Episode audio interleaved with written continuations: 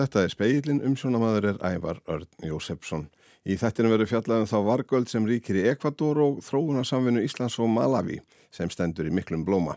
En við hefjum þáttin á Reykjaneskaga eins og stundum áður því jarðeðlisfræðingar veðustofunar telja líklegt að kvika hlaupi úr svartsengi á næstu dögum.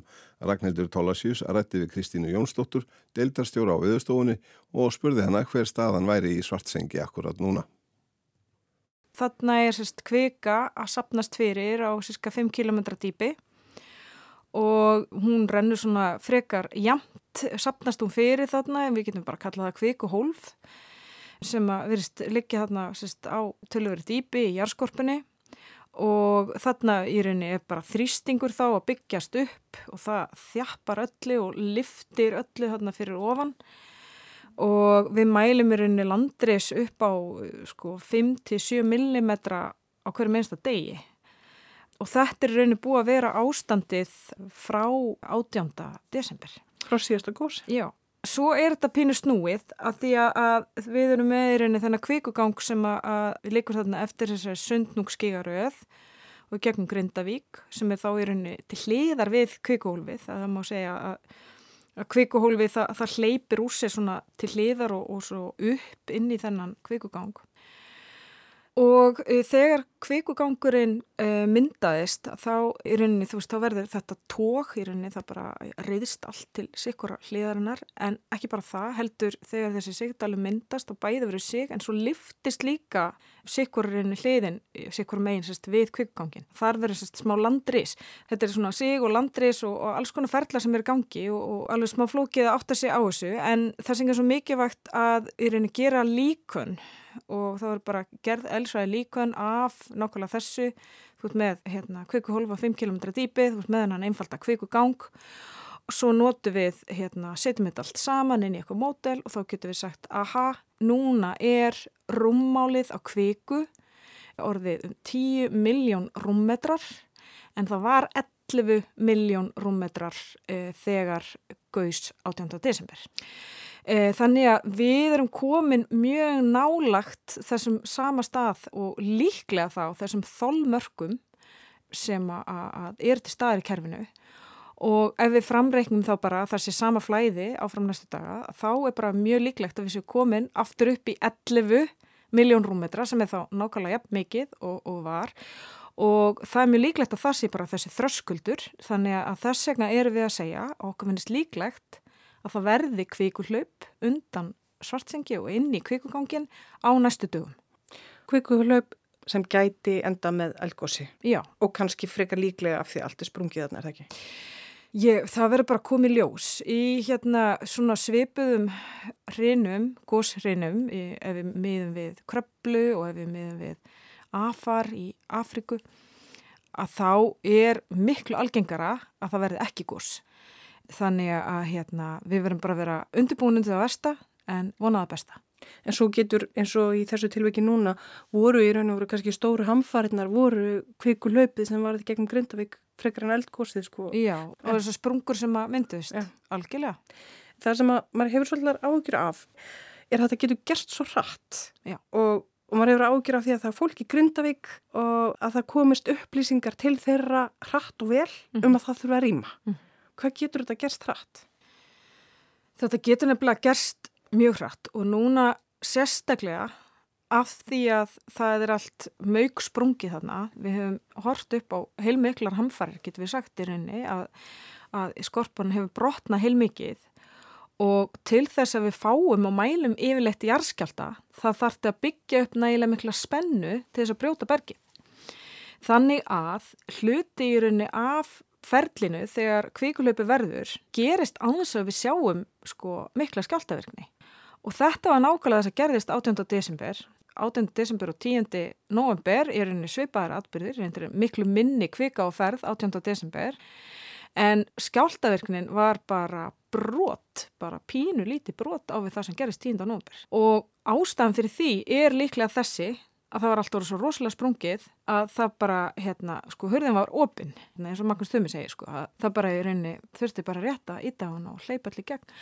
Og þetta er rauninni gerð það verkum að frá því að bara fyrsti skjálti mælist þá ætla góðs byrjar, leiður bara 90 mínútur og það er náttúrulega bara þannig þegar svona skjáltaverkni fyrir gang að þetta er fyrst bara litli skjáltar og, og þú ert ekki endilega alveg vissum að, að þetta sé akkurat kvikulaup sem er að hefjast. Þannig að það, þú þarf aðeins að býða inn í atbyrðin til að átta þig á því hvað er að gerast. Þannig að sko þessi raunverulegi tími frá því að við varum orðið vissum að þetta veri kvikulaup og þá til að góðs að byrjaði var bara ekkert mjög langur, veist, hann er bara innan við klukkutími, eitthvað svo Mér skilst að þið séu að reyna að stitta viðbrástíman hjá ykkur er það ekki? Út Já. af því að þetta getur gerst svo rætt. Einmitt og það var náttúrulega algjörlega augljós áskorun fyrir okkur þegar við áttuðum okkur á þessu að þetta gæti farið svona hljóðlega, svona þessi kviku færsla gæti verið svona svakalega hljóðlega að, að þá auðvitað verðum við að virkilega að sperra eirun, getur við sagt, gafkvært þessum minnstu skjáltum og við vorum fyrir jól komið með viðvöranakerfi sem við smíðum á viðstofunni sem að gengur út af það að nema sjálfvirt bara minnstu skjálta og þegar það verða fleiri en fimm eða fleiri skjáltar á síðisleginum tíu mínútum sem eru starri en null að þá kemur viðverun. Þá telstu okkur til að við fáum ekki það margar falskar viðvaranir, heldur sé þetta ágætis í sletti, eh, til þessi rauninni að gefa okkur viðverunum að það sé eitthvað færði í gang. Þið skoðið þetta þá, hvort að hérna, já, hér er eitthvað að gerast og þið setjið ykkur þá bara í samband við hvað almannavarnir sem Já, að ræsa við- sem kerfi. Einmitt, sko, við erum með vakt allar sólaringin og við erum með viðbrasáallanir og það er ganga út af það auðvitað að meta virknina og þegar eitthvað svona fyrir gang að þá erum við með fólki okkur, sérfræðinga á bakvakt sem að geta þá í rauninni metið það hvort þetta sé kvikulaup eða ekki og svo er bara næsta skrifið að ringja í rauninni að ræsa almannavarnir og svo taka þau í rauninni næstu skrif. Fyrst og fremst er okkar hlutark á viðstofinni að meta hættuna af eldvirkninni og miðla því til uh, viðbrasæðala sem að svo taka ákvarðanir um hvað þarf að gera til þess að bjarga fólki og innviðum. Stað hefur ágjur á þessu, Kristín? Já, þetta er auðvitað mikil áskorun að standa í þessu og hérna og við erum ekkert sakalega mörg sem að erum aðna, þetta er góður hópur en þetta er, þetta er auðvitað mikið álag ég við ekki það álag Kristín Jónsdóttir, deildarstjóri á viðstofunni. Takk fyrir þetta. Takk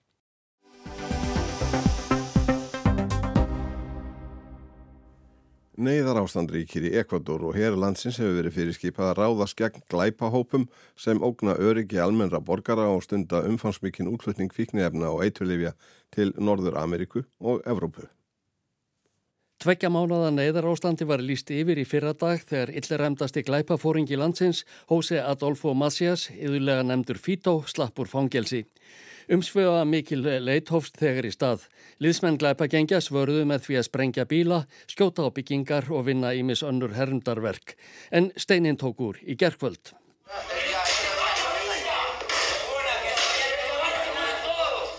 Hópur greimuklættra manna, vopnaður vélbissum, skambissum og handsprengjum reðst í gerkvöld inn í beina frétta útsendingu sjóvarstöðvarinnar CT í borginni Guayaquil.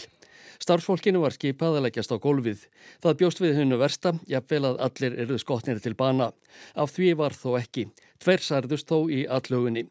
Lögreglu tókst að ráða niðurlögum árásarmannana og hann tók 13. Ekki likur fyrir eh, hvort árásin á sjónvarpstöðina tengist eh, flóta Fítós. Daniel Noboa, fórseti Ekvadors síðan um miðjan oktober, brást skjótt við og gaf út tilskipun um að hernaðar ástandi ríkti í landinu. Hernum var skipað að ráðast gegn glæpagengjónum 20 talsins sem fórsetin sagði að væru ekkert annað en hriðjuverka hópar. Hernum gaf hann frjálsar hendur um að ráða niðurlögum þeirra en fara þó að alþjóðlegum lögum og reglum um mannréttindi. Tíkran Fæler, frettamæður sænska sjónvarpsins í Rómansku Ameríku, segir að Daniel Noboa forsetta sé mikið í mun að sína að hann hafi stjórn á ástandinu þótt hann sé ungur að árum og hafi einungis verið innan við þrjá mánuði í ennbætti. Och nu har han fått liksom den absolut värsta säkerhetskrisen i landets historia på halsen så att han måste ju försöka visa att han eh, är kapabel att leda landet och att han är en, en stark president. Nú hefur hann fengið í fangið verstu krísu í sögu landsins. Hann verður að sína að hann sé færum að leysa vandamálið og sanna fyrir þjóðinni að hann sé sterkur fórseti, segir Fæler. Hann bætir við að á næstu sólarhingum ráðist hvort fórsetin ráði við ástandið eða hvort hann falli á prófinu. Á það hefur verið bent að Ekvadorar ganga aftur að kjörborðinu í mæ 2025 og kjósa sér forsetta. Fullvist er talið að Noboa bjóði sig fram til endurkjörs. Ekvador var um árabil örugasta landið í Rómansku Ameríku. Síðustu ár hefur síð á ógæfu hliðina. Erlendir og innlendir glæpahópar hafa vaðið uppi og gert landið að miðstöð fíkni efna viðskipta í álfunni. Eftir eh, tíðindi síðustu daga hafa almennir borgarar greint frá því við frettamenn að ástandið sé skjelvilegt. Þegar þeir halda til vinnu sinnar að morgni er óvist hvort þeir skýli sér heimað kvöldi. Hvergi í Rómansku Ameríku er morðtíðni hærri enn í Ekvator. Á nýliðinu ári voru morðin rúmlega 20 á dag að meðaltali. Ástandið er verðt í Guayaquil, eh, stærstu borg landsins. Þar og víðar hefur fyrirtækjum verið lokað og skólastarfi frestað eftir að neyðar ástandinum var líst yfir. Fólk er beðið um að vinna og stunda skólana um heima. Anna-Maria Rúra, eh, frettamæður Breska ríkisútvarpsins, er frá Ekvator. Hún segir að fleiri ástæður likja að baki slæmu ástandi í heimalandinu en glæpastarf sem er hriðiverka hópana. Um 30% þjóðurinnar séu undir fátaktarmörkum og margir þeirra blá snöyðir. Hilbriðiskerfið séu óviðunandi og mentakerfið sömuleiðis. Many people doesn't have any other chance to just join these gangs Margir eiga því enga möguleika í lífinu nema þeir gangi til liðs við þessi gengi, segir Rúra. Í fikknefna heiminum er engin skortur á penningum. Áskei Tómasson sæði frá.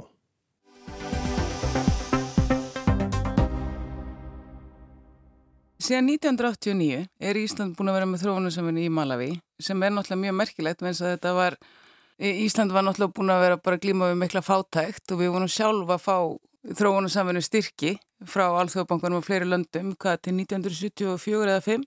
Svo þannig að 1989 þá byrjum við í, í Malawi og reynda nokkur um öðrum löndum í Afriku en allstað er það sem að var vatn. Þannig að áherslan var alltaf á fiskimól fyrsta árin. Þetta er Inga Dóra Péturstóttir, forstuðum að sendir ás Íslands í Lílongve, höfðustad Afrikuríkisins Malawi.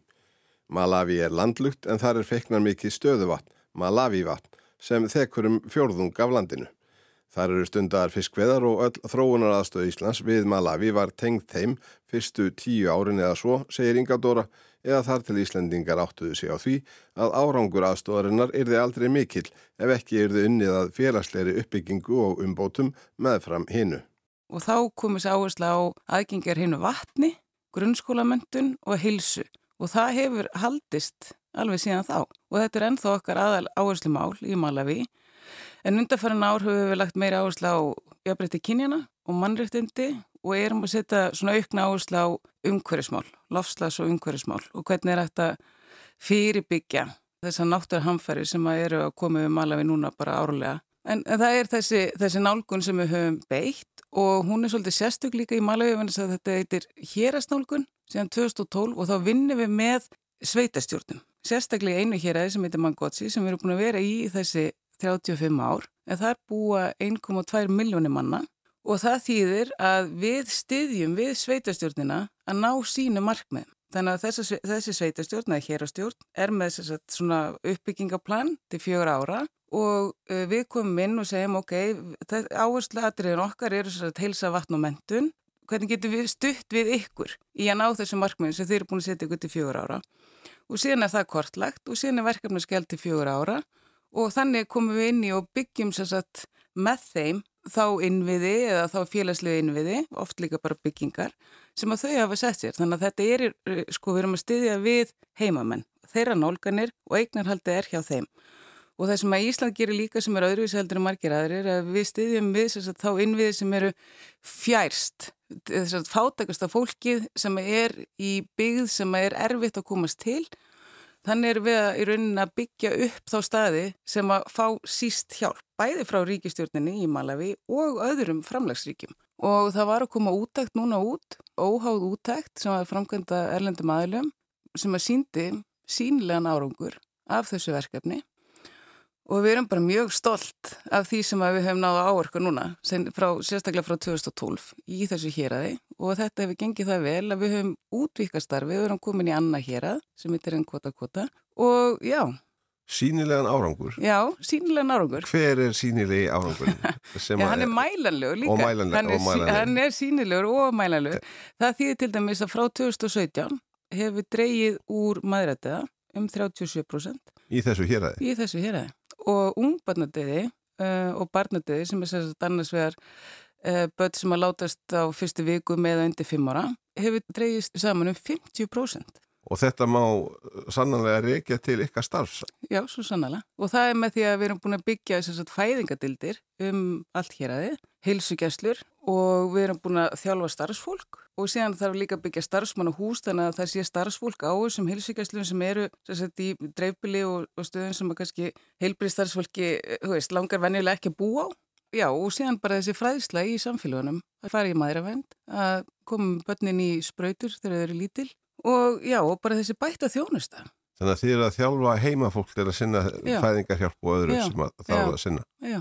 Ráði þið þá heimafólk til að þjálfa heimafólk eða eru þið með bara heilmikið uh, lið frá Íslandi nei, að, nei, að þjálfa nei, fólk? Nei, þetta er allt gert sagt, á, að, við gerum allt til þess að styðja við ferla, malavíska ferla og, og uppbygginguna þar þannig að það vantar í rauninu ekki starfsfólk í Malawi. Þannig að það er nóga starfsfólki til en það vill bara síður búa á þessum afskektu stöðum. Þannig að þú veist í rauninu þegar maður er búin að búa til aðstöðu þannig að fólki líka vel að fara í vinnuna en þess að það er bara viðunenda aðstæða til þess að starfa að þá er það líklega til þess að koma og síðan eru það bara malavar sem að þjálfa aðra malavar þegar, þú veist, með svona símentun í rauninni bara til þess að gera starfi líka meira aðlæðandi. Verkefnið í Malawi er eitt af örfáum þróunarverkefnum þar sem Íslendingar láta beinleginins til sín taka á vettfangi í beitni samvennu við stjórnvöld og heimafólki í viðkomandi landi. Í stað þess einfallega að veita fjármunum til verkefna á vegum alþjóðastofnana eða alþjóðleira hjálparsamtaka. Svipað verkefni er í gangi í Uganda og annað í uppseglingu í Sierra Leone, auk þess sem Íslendingar hafa tekið þátt í jarðhita rannsóknum og framkvæmdum í fleiri Afrikuríkjum. Starfið í Malawi hefur almennt gengið vel, segir Inga Dóra þótt vissulega hafi snurða hlaupið á þráðin öðru hóru á þessum 35 árum. En hver eru helstu vandamálinn sem uppkoma? Þegar land er svona ofsalega fátækt, þá eru náttúrulega bara svo mörg vandamál.